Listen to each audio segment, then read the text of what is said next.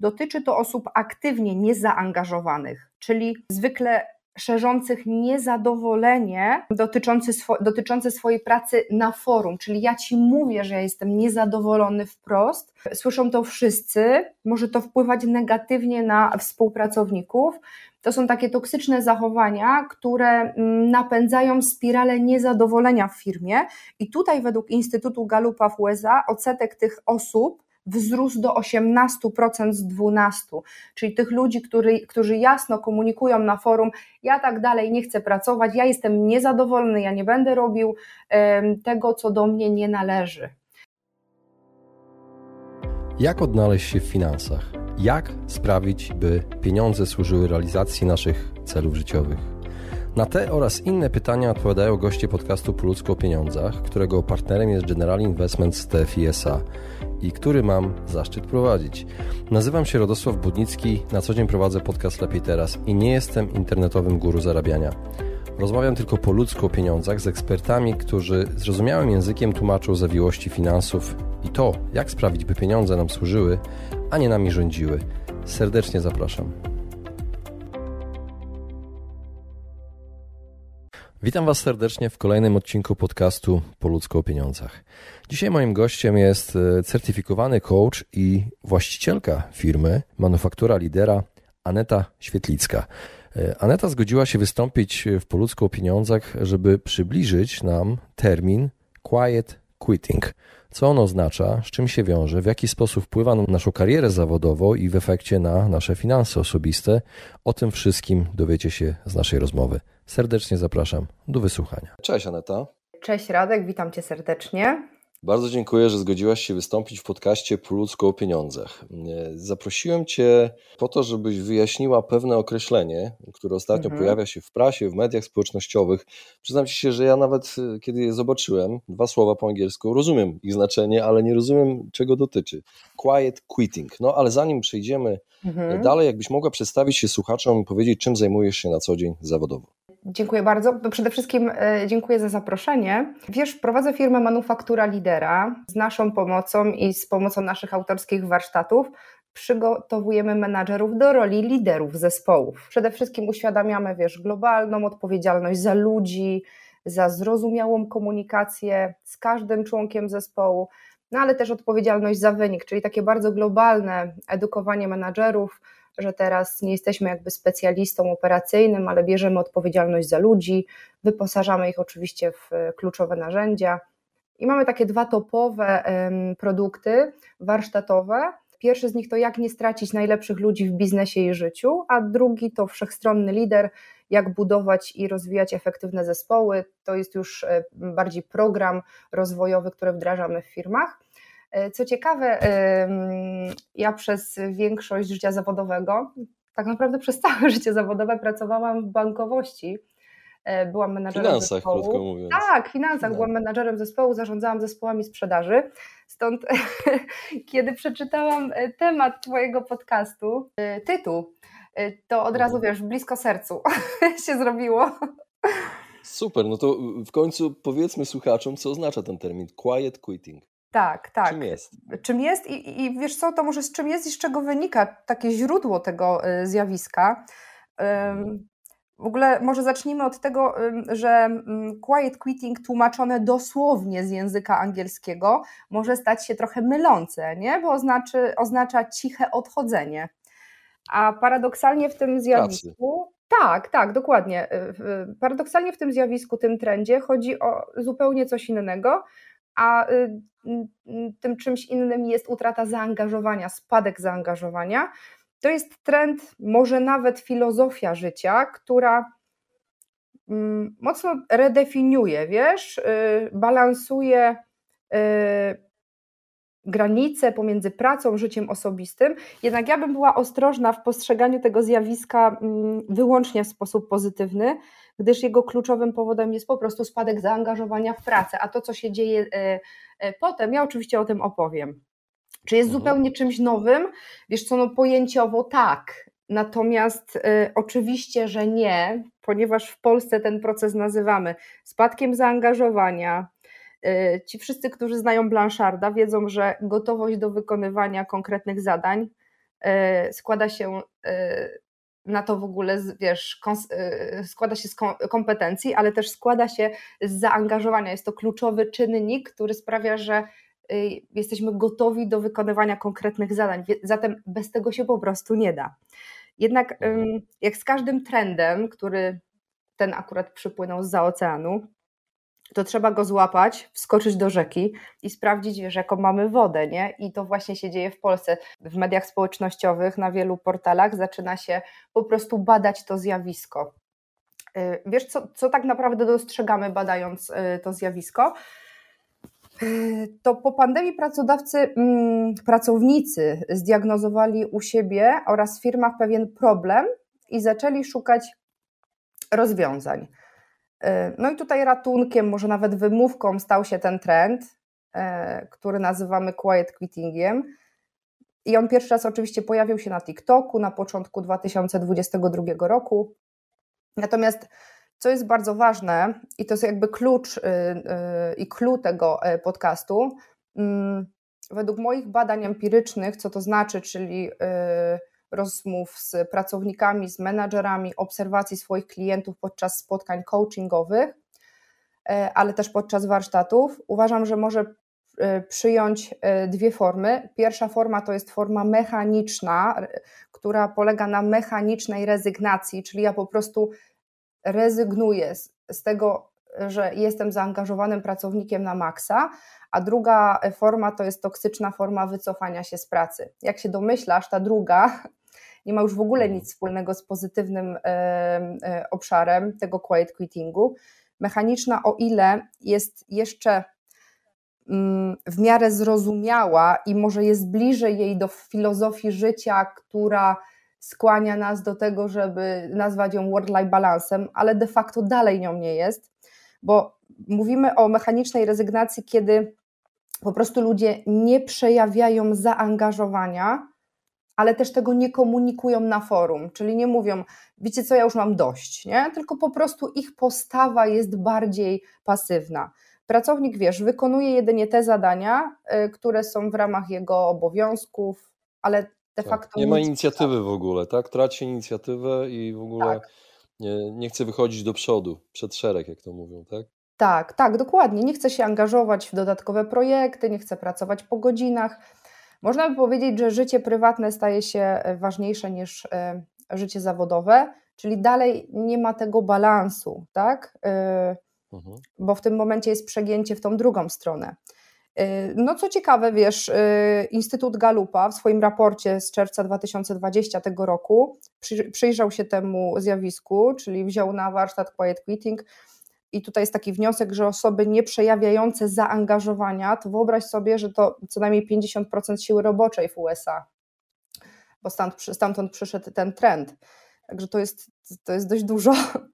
Natomiast... Ale to poczekaj, ja muszę no. ci przerwać, bo ja chcę się dowiedzieć innej rzeczy, bo Ameryka nam się kojarzy właśnie z tym etosem pracy, prawda? Mhm. Y, czy to jest nowe zjawisko, czy ono powstało przez y, te dwa lata lockdownów?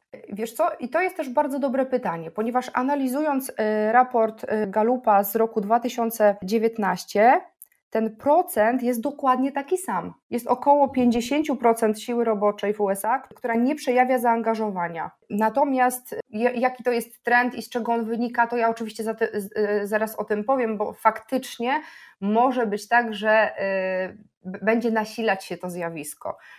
Natomiast ja tutaj szczerze mówiąc nie widzę wzrostu, natomiast widzę wzrost drugim, y, w drugiej formie tego quiet quittingu, czyli tej toksycznej formy wycofania. Co to oznacza? Dotyczy to osób aktywnie niezaangażowanych, czyli zwykle szerzących niezadowolenie dotyczące, swo dotyczące swojej pracy na forum, czyli ja ci mówię, że ja jestem niezadowolony wprost, słyszą to wszyscy, może to wpływać negatywnie na współpracowników. To są takie toksyczne zachowania, które mm, napędzają spiralę niezadowolenia w firmie, i tutaj, według Instytutu Galupa w USA, odsetek tych osób wzrósł do 18% z 12%, czyli tych ludzi, który, którzy jasno komunikują na forum, ja tak dalej nie chcę pracować, ja jestem niezadowolony, ja nie będę robił tego, co do mnie nie należy. Zatem mm, wnioski należy wyciągnąć e, następujące. nie ma spektakularnego wzrostu, natomiast mamy tutaj wzrost e, wśród osób, które aktywnie pokazują swoje niezaangażowanie. Czyli już to nie jest takie quiet. E, to nie, to nie jest, no dokładnie, to nie jest takie quiet. Zatem wiesz, no ta nazwa, ona może być myląca, zatem no trochę ją tutaj porozbierajmy na czynniki mhm. pierwsze. Co jest ważne, to, mm, to to, co mogło nasilić to zjawisko, to, co, to, to o, o co zapytałeś na początku. Czyli mm, co być może dzisiejsze czasy powodowały, zrobiły takiego, że ludzie mogą przejawiać takie zjawisko jak spadek zaangażowania. Wiesz co, ja widzę dwa problemy. Pierwszy to, ale oczywiście w mocnym cudzysłowiu, przeginanie z pracą. Inaczej mówiąc, praca ponad swoją y, wydolność psychiczną, ale też fizyczną. Oczywiście powodem to jest wewnętrzne ciśnienie psychiczne związane z potrzebą jakiegoś tam dowiezienia celu. Mm, mhm. No i oczywiście efektem maksymalne przełożenie priorytetów na stronę zawodową. Zobacz, to jest mm, obszar, który leży po stronie pracownika. I teraz ciekawostka, ja prowadzę procesy coachingowe i w samym 2022 roku przeprowadziłam 500 godzin takich sesji coachingowych jeden na jeden.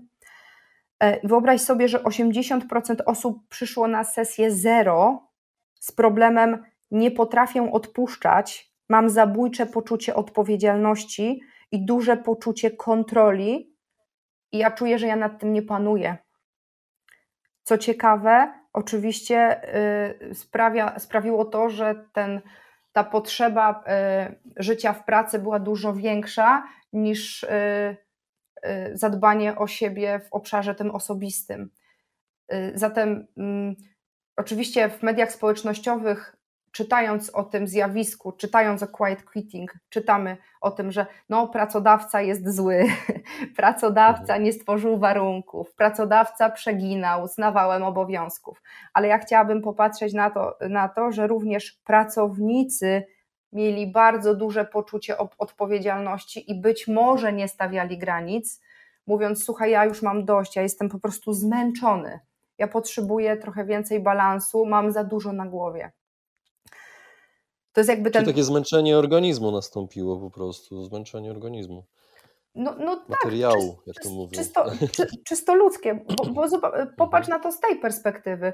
E, my tak, ale samo napędzające się, samo napędzające się, to nie wynikało z tego, że ktoś tam daje nam targety, prawda? I, i my musimy zasuwać porządnie. Wiesz co, ono właśnie wynikało i nie wynikało, bo wszystko, ka każdy kij ma dwa końce, o tym zaraz też powiem, ale jedna kluczowa rzecz. My cały, yy, my cały czas musimy pamiętać o tym, że jesteśmy ludźmi i nie jesteśmy niezniszczalni. Zatem, jeżeli my o to nie zadbamy, no to nasz pracodawca o to nie zadba w pierwszej kolejności, bo może nie wiedzieć, co się dzieje w naszej głowie i w naszym ciele. Ale druga rzecz to jest właśnie ten drugi problem, to to maksymalne podkręcenie tak zwanej, oczywiście w cudzysłowie, śrubki pracownikom przez pracodawców, szczególnie w okresie pandemii. Weźmy e, jakby ten temat e, teraz na stół. Zobacz, brak dostępu do zasobów produkcyjnych w firmach, walka o wszystko, aby utrzymać wyniki miejsca pracy. Z tym się borykali pracodawcy.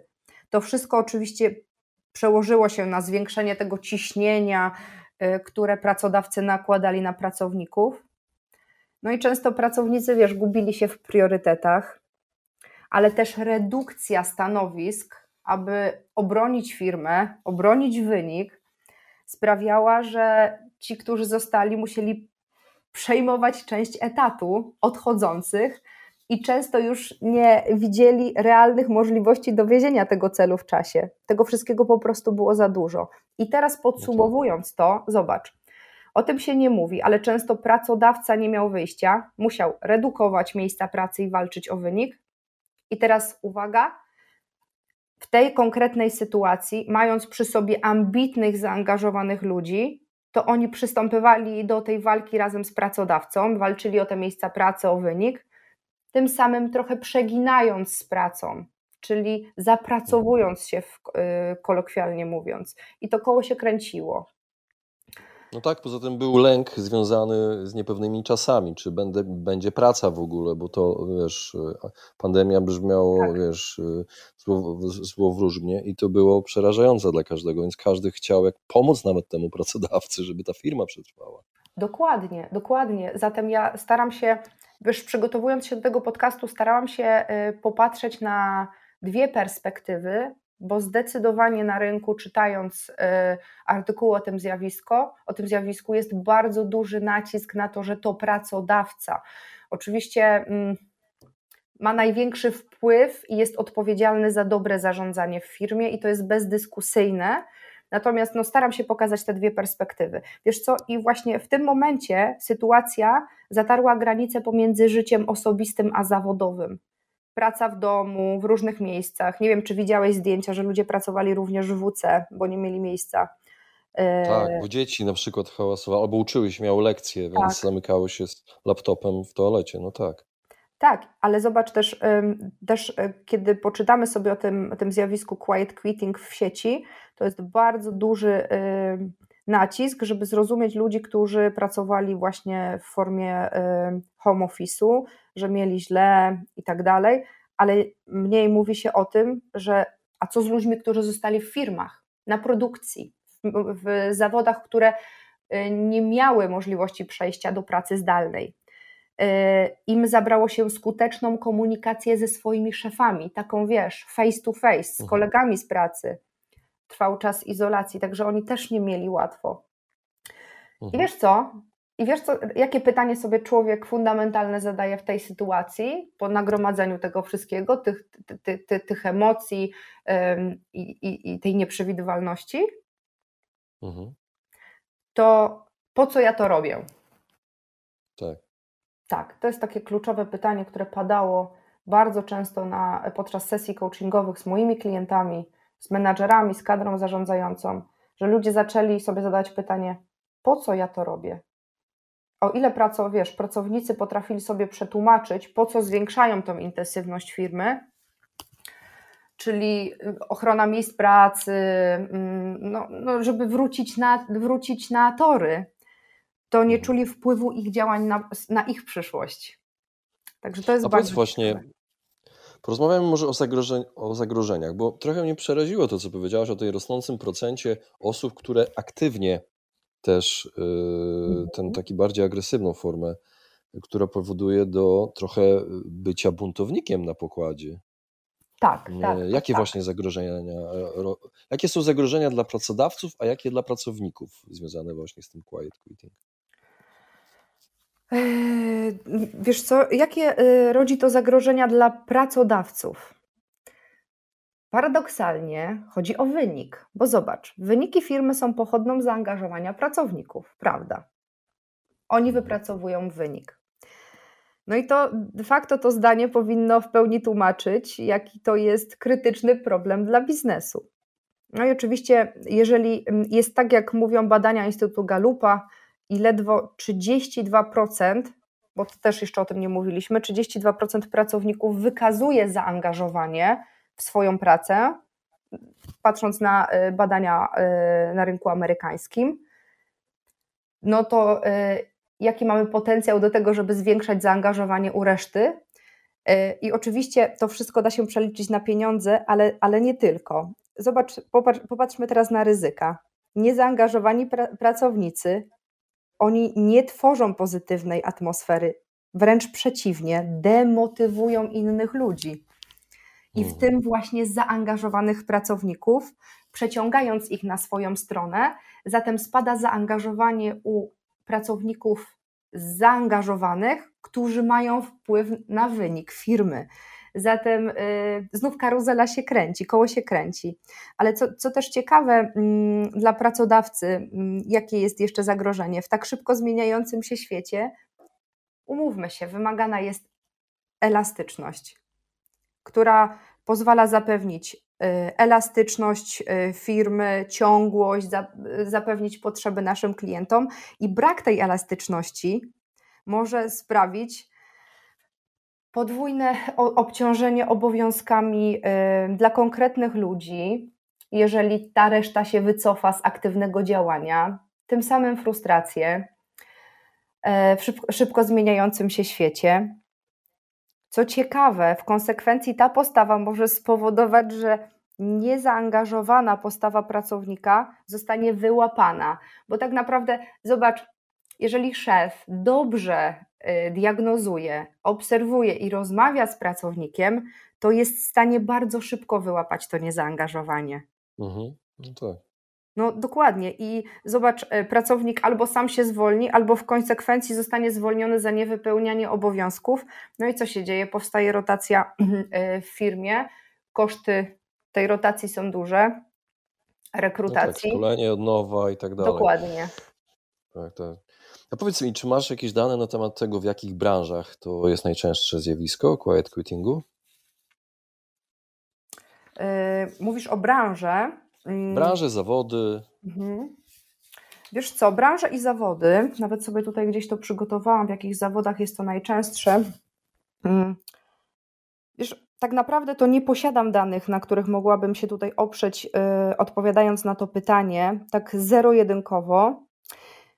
Natomiast podzielę się swoją obserwacją. Kiedy szkole menadżerów w firmach i mówią o konieczności spotkania się z ich pracownikami, tak wiesz, jeden na jeden, żeby porozmawiać o tym, yy, jak się mają, nie tylko o celu, tylko z czym się mierzycie, yy, jakie macie mhm. potrzeby, jakie bariery, czego potrzebujecie, w czym możemy Wam służyć, to często słyszę, a kiedy mamy to robić?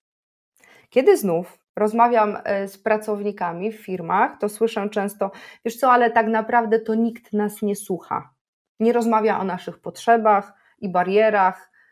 Oczywiście nie generalizujmy, ale to jest naprawdę mocny trend. I teraz pytanie brzmi: czy quiet quitting, czyli spadek zaangażowania, on powinien y, dotyczyć konkretnego zawodu, a może jest związany właśnie z brakiem efektywnej komunikacji i tym mocnym ukierunkowaniem na drugiego człowieka. Ty jesteś moim priorytetem, ja się chcę Tobie przyglądać, chcę weryfikować zarówno Twoje kompetencje, ale też zaangażowanie, bo tutaj cały czas mówimy o tym zaangażowaniu. Spadek zaangażowania sprawia, że jesteśmy wycofani, wycofujemy się ja bym się bardziej tutaj skłoniła ku temu, niż matematycznej weryfikacji, e, w jakich zawodach to zjawisko występuje najczęściej.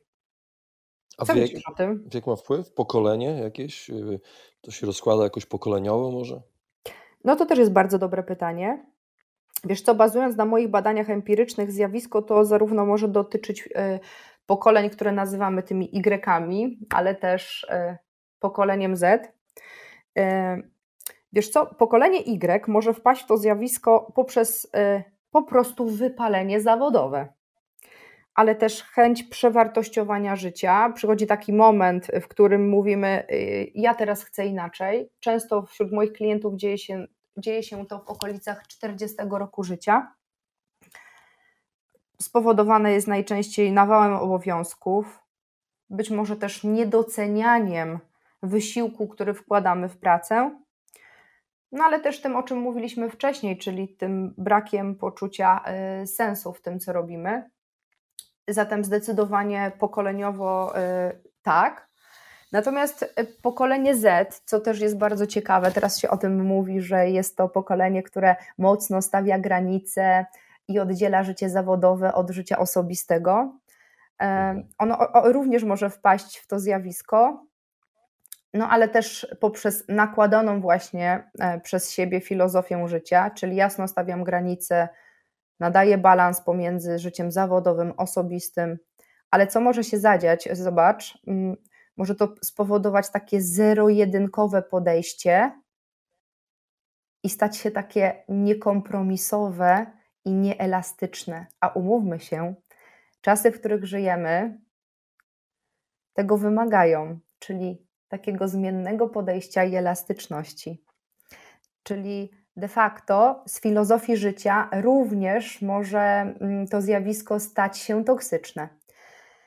Co ciekawe, te osoby w pracy bardzo potrzebują mentora, partnera, nie szefa, który powie ci, co, ja mam, co ty masz robić, oraz y, tego również, czego potrzebuje to pokolenie Y, po prostu poczucia sensu tego, co ja robię, że to jest ważne, że to do czegoś zmierza.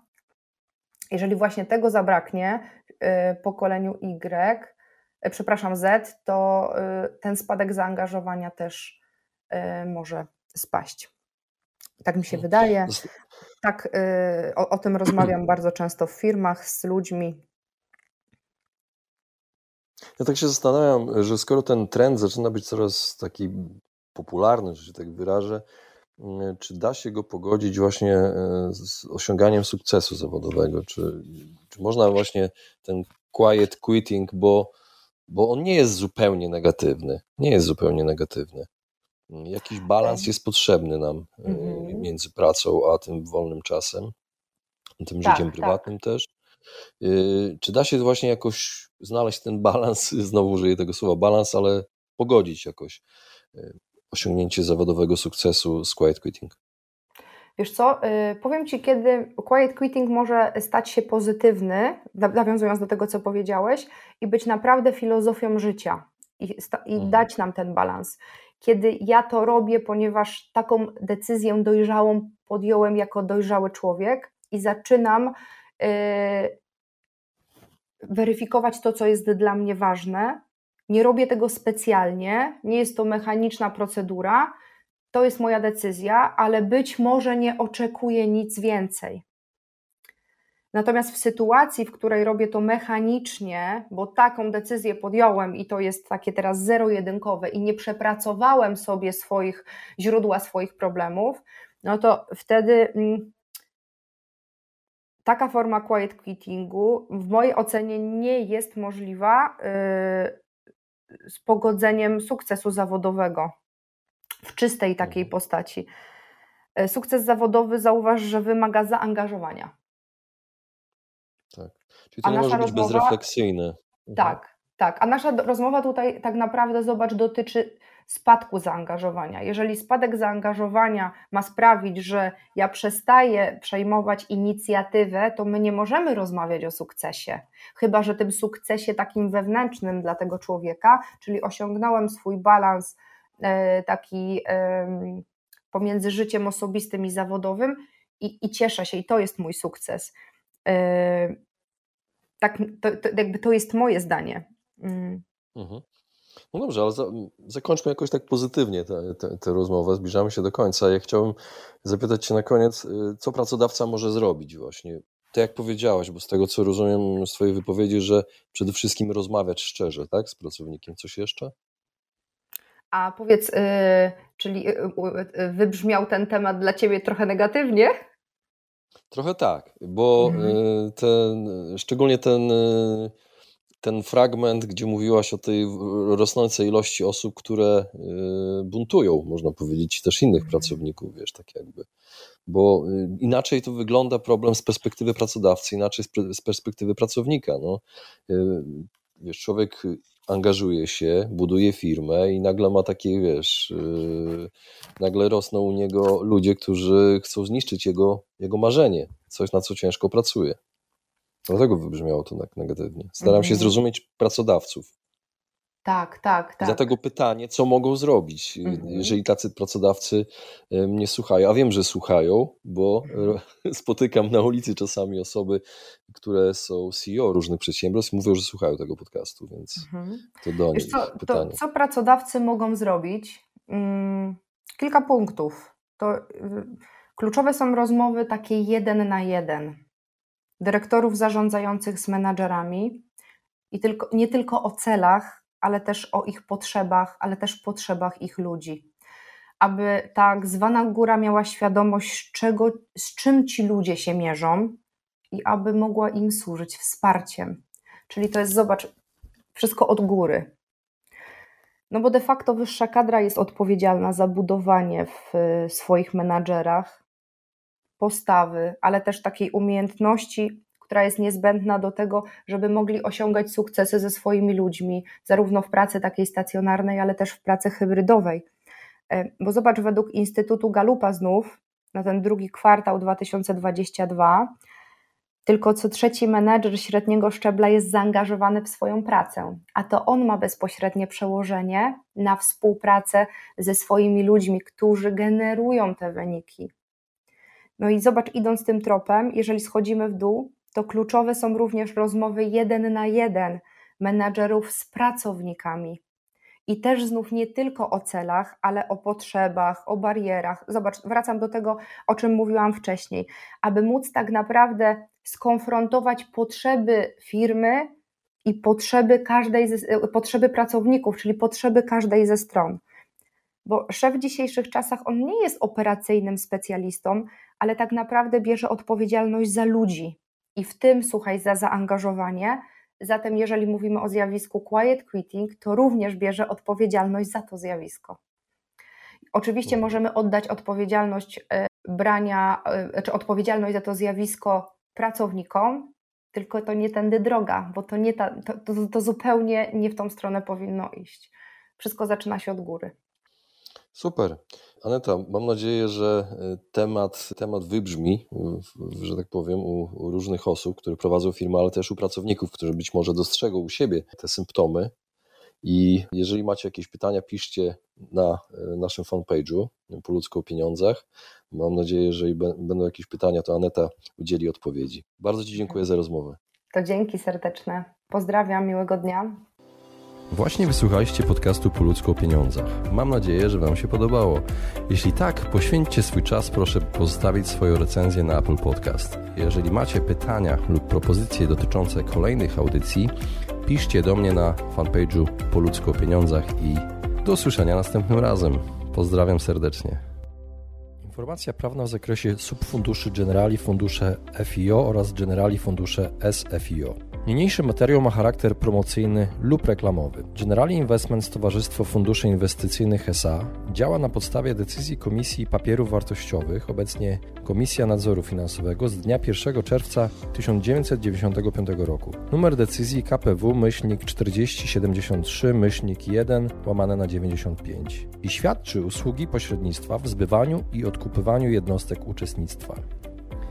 Towarzystwo ani fundusze inwestycyjne nie gwarantują osiągnięcia celów inwestycyjnych. Uczestnik powinien liczyć się z możliwością zmniejszenia lub utraty zainwestowanych środków. Wyniki mogą być pomniejszone o pobrane opłaty manipulacyjne i należne podatki. Opodatkowanie zależy od indywidualnej sytuacji klienta i może ulec zmianie w przyszłości. Przedstawiane informacje finansowe dotyczą wskazanego okresu w przeszłości, a wyniki osiągnięte w przeszłości nie gwarantują zwrotów z przyszłych inwestycji. Prezentowane wyniki nie uwzględniają opłat manipulacyjnych związanych z lokowaniem w danych subfundusz oraz podatków. Niniejszy materiał nie zawiera pełnych informacji niezbędnych do oceny ryzyka związanego z inwestycją w fundusze inwestycyjne. Przed podjęciem ostatecznych decyzji inwestycyjnych należy zapoznać się z KIID lub informacją dla klientów AFI, a także z prospektem informacyjnym zawierającym szczegółowe informacje w zakresie polityki inwestycyjnej, czynników ryzyka, zasad sprzedaży jednostek uczestnictwa, oraz z tabelą opłat manipulacyjnych i informacjami podatkowymi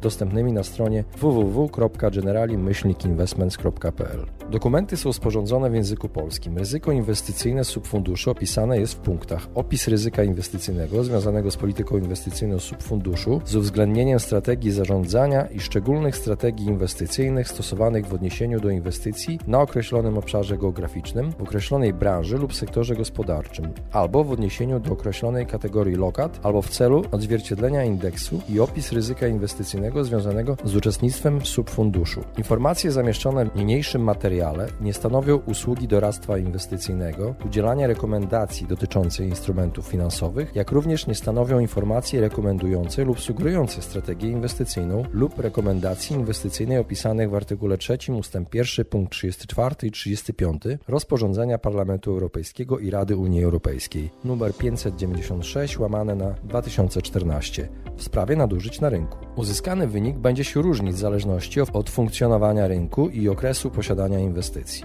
Duża zmienność wartości aktywów netto, generali akcje małych i średnich spółek, generali akcje wzrostu, generali akcji rynków wschodzących, generali korona akcje, generali korona zrównoważony, generali stabilny wzrost, generali surowców, generali akcji, megatrendy, generali fundusze FIO oraz generali obligacje aktywne, generali obligacje globalne rynki wschodzące, generali złota, generali euro, generali akcji amerykańskich, generali akcji europejskich, generali akcji ekologicznych, w generali fundusze SFIO. Możliwe lokaty ponad 35% wartości aktywów. Generali korona dochodowy, generali akcji megatrendy, generali korona obligacje, generali stabilny wzrost, generali korona zrównoważony, generali złota, generali aktywny dochodowy, SGB dłużny, generali akcji europejskich. Generali akcji amerykańskich w papiery wartościowe emitowane, poręczane lub gwarantowane przez Skarb Państwa oraz Narodowy Bank Polski, a w przypadku generali dolar, generali konserwatywny, generali surowców, generali akcji megatrendy oraz generali oszczędnościowy, także w papiery wartościowe emitowane, poręczane lub gwarantowane przez Australię, Austrię, Belgię, Bułgarię, Cypr, Czechy, Danię, Estonię, Finlandię,